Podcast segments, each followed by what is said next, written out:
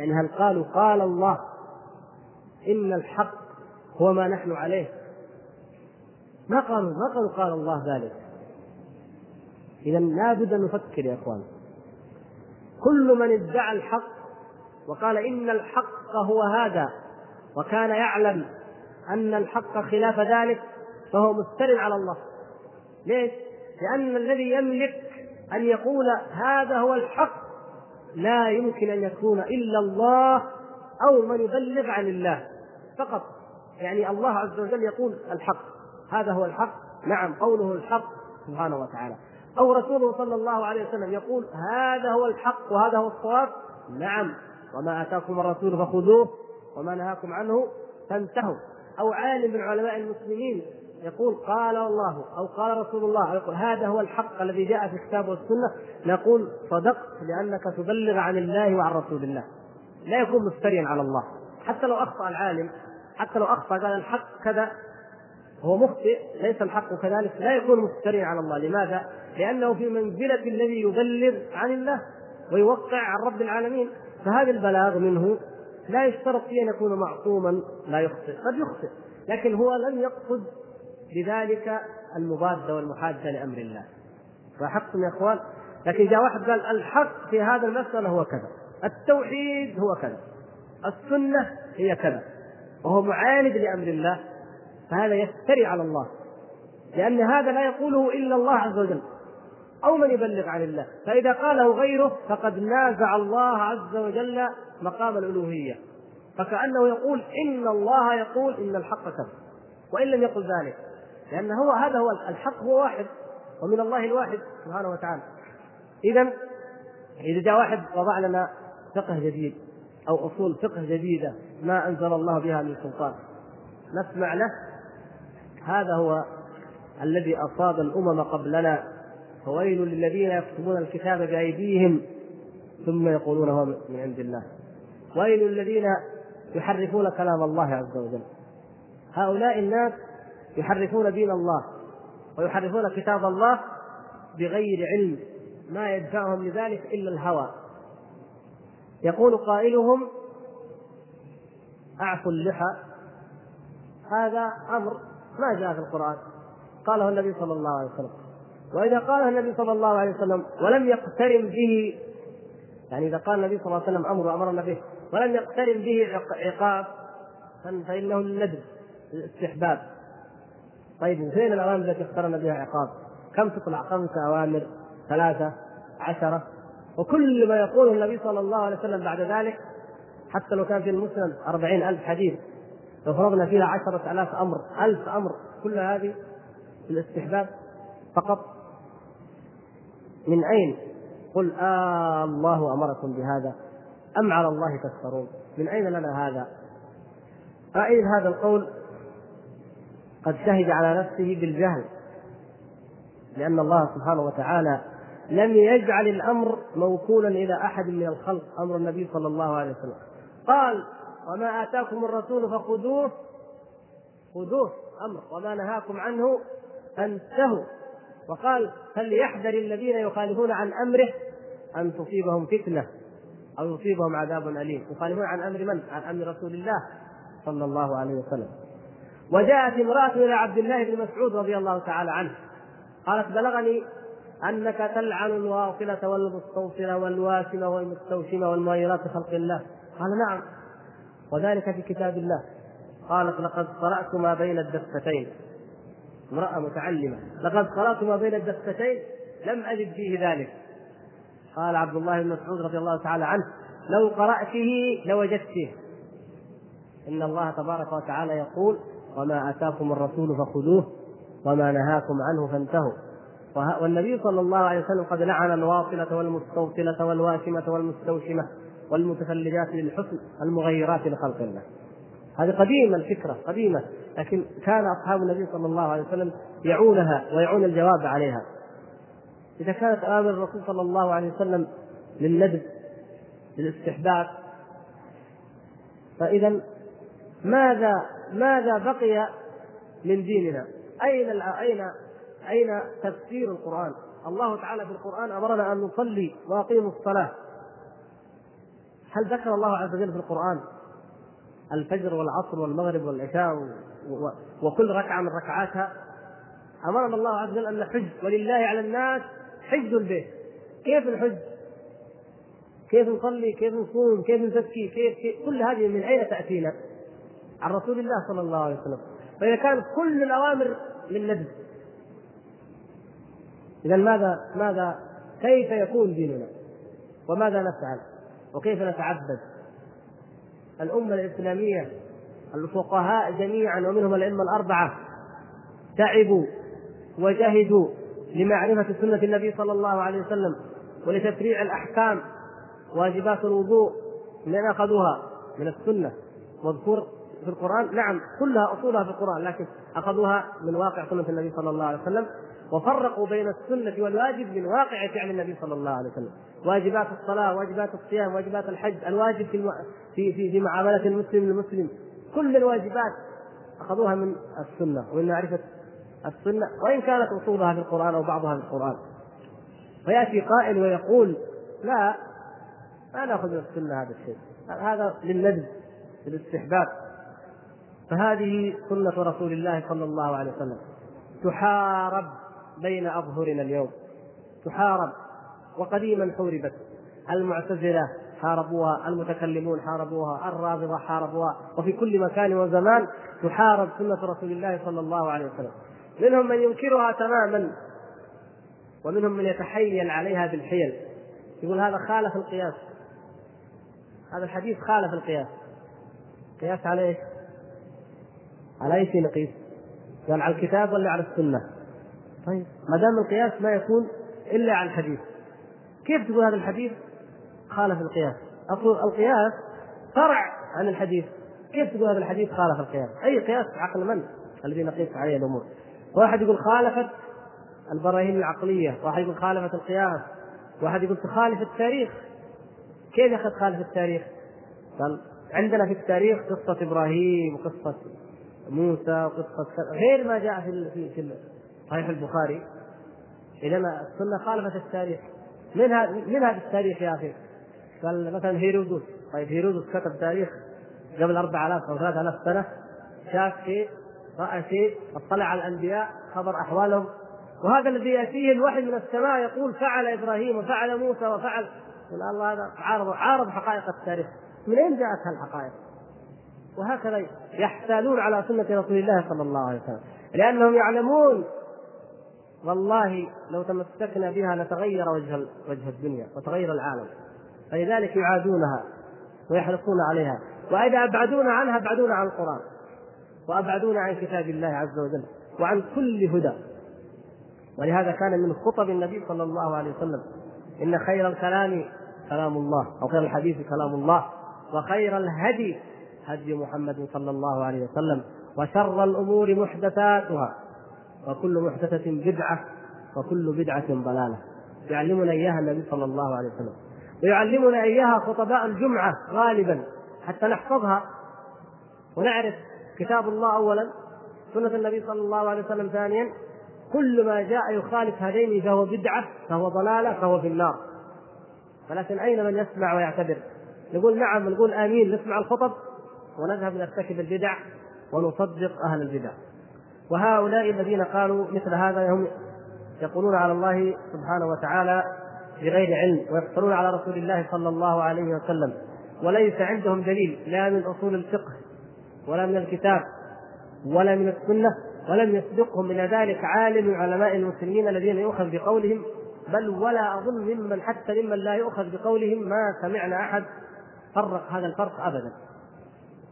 فاحذروا أيها الإخوة احذروا كل من يبعدكم عن سنة رسول الله صلى الله عليه وسلم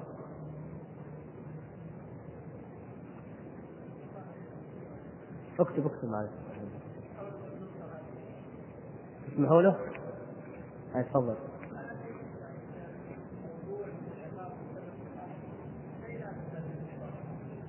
من بها هم؟ هم لو قالوا كل أوامر النبي صلى الله عليه وسلم بالندب هذا ما يصدقهم أحد. مرة يعني لو فرطوها مرة ما صدقهم أحد. فقالوا إيش يعني إيش اللي نبغى نجيب؟ إيش نجيب؟ يعني علة فكروا. قالوا نقول إذا اقترنت به عقوبة. هذا من عندهم هم ما في أي دليل عليه. ما في أي دليل. يعني كما قال العلماء منهم الشيخ عبد العزيز بن باز حفظه الله وغيره.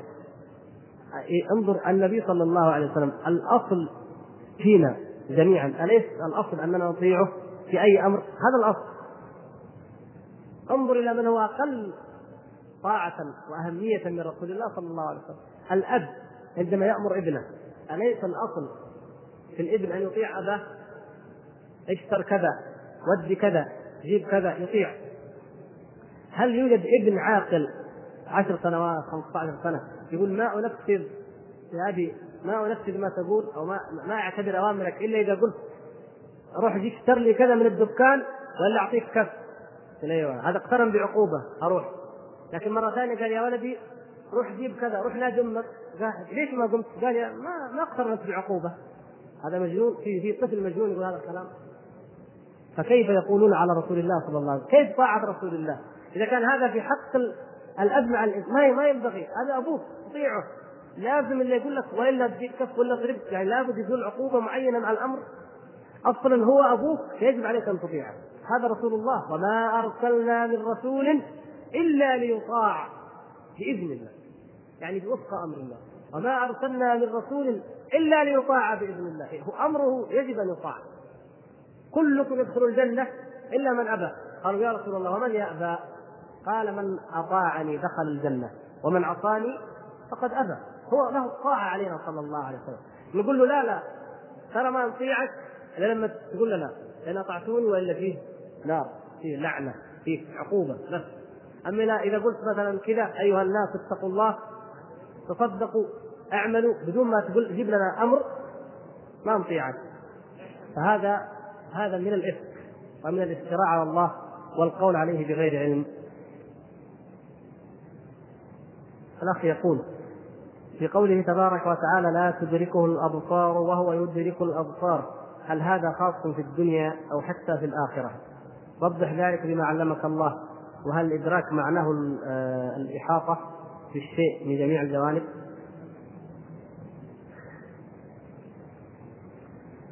الأخ يقول لا تدركه الأبصار هل هذا في الدنيا أو في الآخرة؟ ونحن قلنا إن الله سبحانه وتعالى لا تدركه الأبصار ولا يحيطون به علما هذا لا يكون لا يمكن أن يقع الإدراك بالبصر أو الإحاطة به علما سبحانه وتعالى. لا يقع للمخلوقين قط لا يقع لا في الدنيا ولا في الآخرة سبحانه وتعالى. هو أعظم وأجل من أن يدركه البصر حتى في يوم القيامة حتى في الجنة يراه المؤمنون ولكن لا تدركه الأبصار ولا تحيط به لكمال حياته وكمال ذاته سبحانه وتعالى. ول ولا وكذلك العلم ولا يحيطون به علما كما قال عيسى عليه السلام. تعلم ما في نفسي ولا أعلم ما في نفسك. فلا نعلم ذات الله سبحانه وتعالى ولا صفات الله ولا ما في نفس الله الأنبياء لا يحيطون بذلك علما فضلا عمن هو دونهم. وإنما يعلمون بقدر ما يظهرهم الله عز وجل ويعلمهم سبحانه وتعالى. فأما في الدنيا فقد قال لن تراني لنبيه موسى عليه السلام. فهذا الرؤيا كما قلنا في الدنيا لا يمكن أن تقع. لا بادراك ولا بغيره. وأما في الذي اذا لا تدركه الأبصار اذا في يوم القيامة لا تدركه الأبصار ولا يحيطون به علما سبحانه وتعالى. وأعظم وأجل من ذلك. يرى ولكن لا تدركه الأبصار ويعلم عنه ولكن لا يحيطون به علما. هل القول إن الإيمان قول وفعل أو قول وعمل يعني؟ تشمل القول باللسان والعمل بالجوارح والتصديق بالجنان؟ أجمع السلف الصالح رضوان الله تبارك وتعالى عليهم على أن الإيمان قول وعمل. فما معنى ذلك؟ تجدون كثير من كتب العقيدة يقولون الإيمان قول وعمل. عقيده الإمام أحمد ونقول الإيمان قول وعمل. عقيده أبو حاتم الرازي الإمام أبي حاتم الرازي ونقول الإيمان قول وعمل. الإمام البخاري رحمه الله يقول أدركت أكثر من ألف شيخ.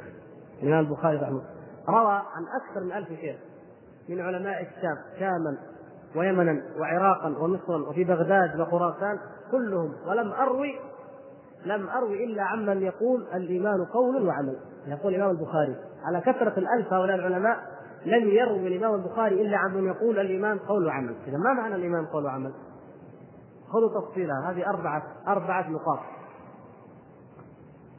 قول القلب قول القلب أول شيء. وهو إقراره وتصديقه. أن يقر القلب ويصدق بالدين. وعمل القلب وهو انقياده وإذعانه. ومن أعمال القلوب المحبة والإخلاص والرجاء والرغبة والرهبة والخشية والصبر والتوكل. هذه من أعمال القلب. إذا قول القلب هو؟ إقراره وتصديقه. وعمل القلب انقياده وإذعانه. ومن أعمال القلب هذه التي ذكرنا. وقول اللسان هو شهادة لا إله إلا الله الذكر قراءة القرآن جميع العبادات القولية. وعمل الجوارح من صلاة وصيام وزكاة وحج وجهاد وأمر بالمعروف ونهي عن المنكر. إذا قول القلب وعمل القلب وقول اللسان وعمل الجوارح.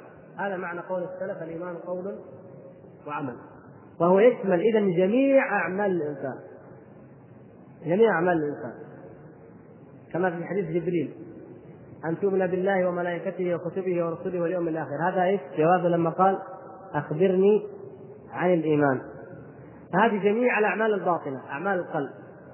وجميع الأعمال الظاهرة وأعظمها الأركان الظاهرة وهي إيش؟ قال ما الإسلام؟ أخبرني عن الإسلام. قال أن تشهد أن لا إله إلا الله وأن محمدا رسول الله وتقيم الصلاة وتؤتي الزكاة وتصوم رمضان وتحج البيت. هذه أعمال ظاهرة. فالإيمان الذي هو الدين كما قال صلى الله عليه وسلم في آخر الحديث هذا جبريل أتاكم يعلمكم دينكم. الإيمان الذي هو الدين يشمل ظاهر الإنسان وباطن الإنسان. يشمل قول القلب وعمل القلب ويشمل قول اللسان وعمل الجوارح. فلا يخرج يعني شيء من العبادات عن مفهوم الإيمان وعن مسماه.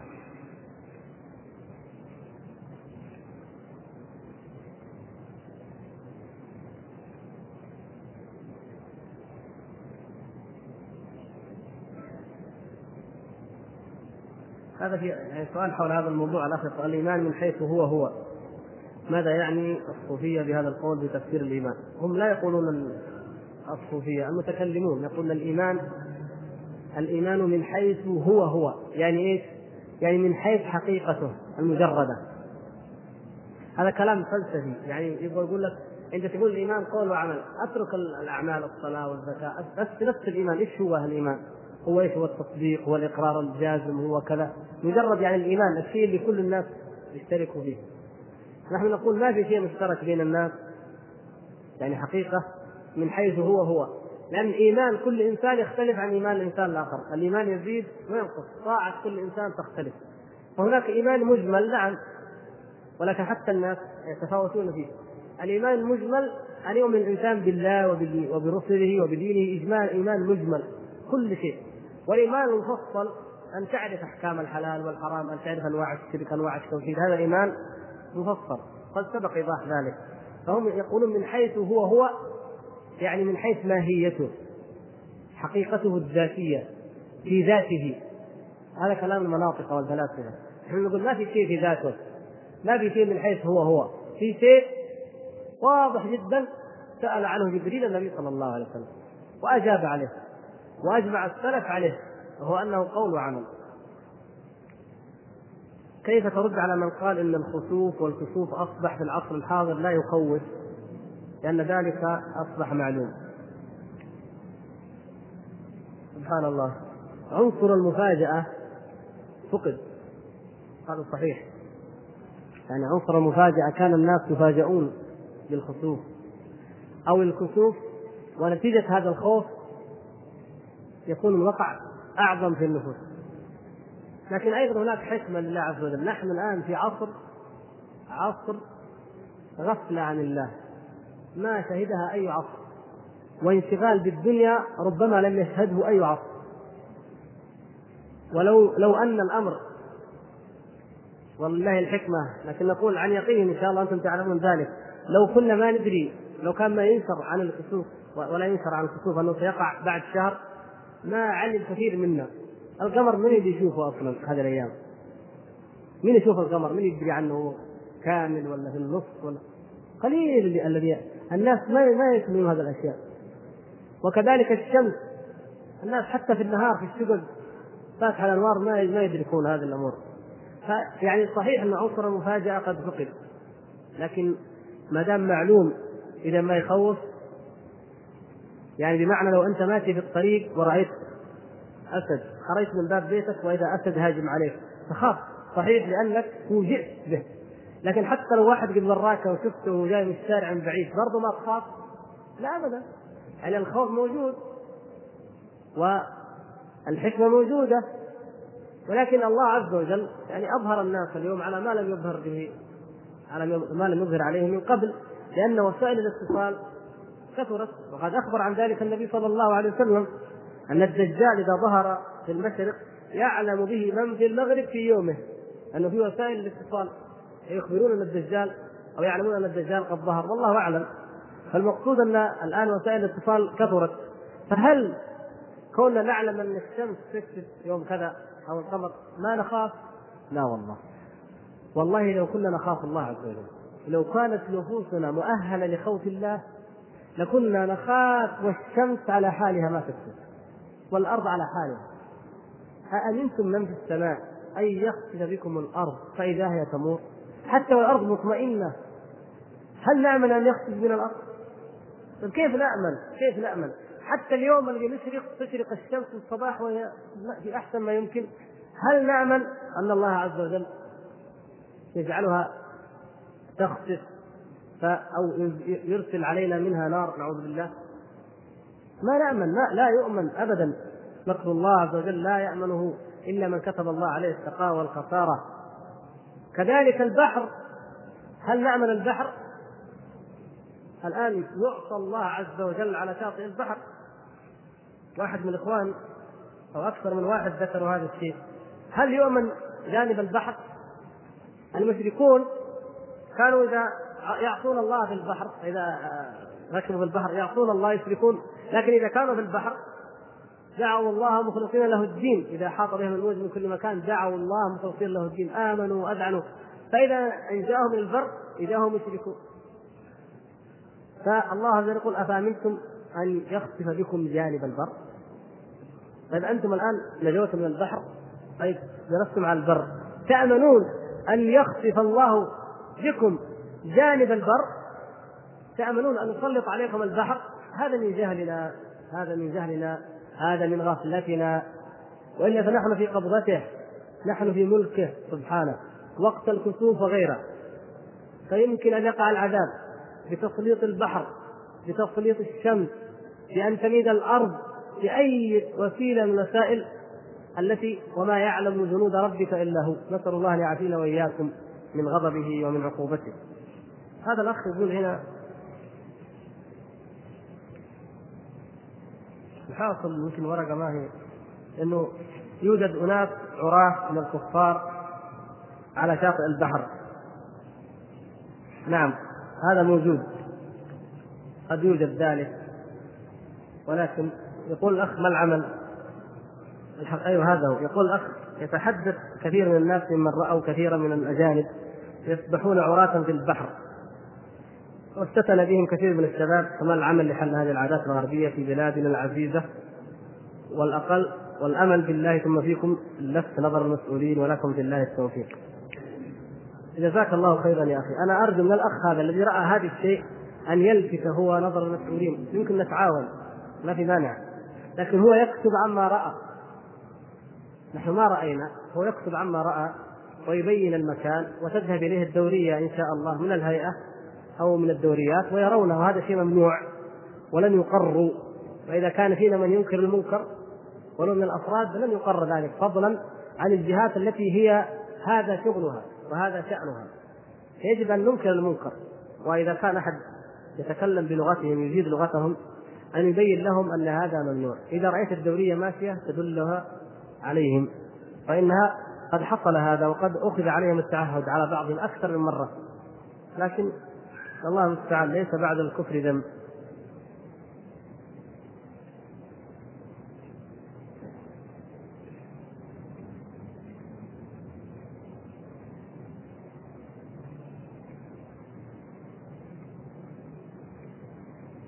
أخ يقول قلت إن الكافر لا يجوز أن يرتفع بمنزله على منزل المسلم. هل يعني هذا أنه لو كان كافر يسكن في الدور الذي فوقي أن أنقل من المنزل احتياطا؟ هذه القضية يا أخي ليست قضية فرد قضية هي قضية أمة. يعني قضية أمة يعني معنى أن الأمة بمجموعها الأمة الإسلامية بمجموعها تجعل الكافر في منزلته التي ينزل فيها. وقد قلنا كما افتى بذلك جميع العلماء علماء المملكة في هذا العصر أن الكافر لا يجوز أن يدخل جزيرة العرب إلا للضروره كما قال صلى الله عليه وسلم في مرض موته لا يجتمع في جزيرة العرب دينان. الأصل جزيرة العرب محرمة على الكفار. وكلامنا الذي قلته أنا ما هو عن جزيرة العرب؟ ما هو عن جزيرة العرب؟ كلامنا عن قلت بلاد الكفار لو احتلينا بلادهم وكان هذا مثل ما احتل المسلمون بلاد الشام أو بلاد مصر. هذه الأقباط في مصر هؤلاء هم أهل الذمة.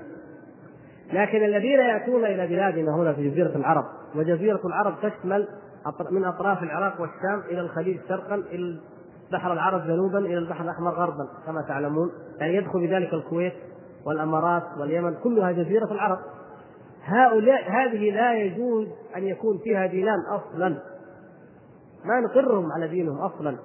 لاحظتم الفرق ولا يسكنونها بنية الاستيطان أصلا. لا يجوز.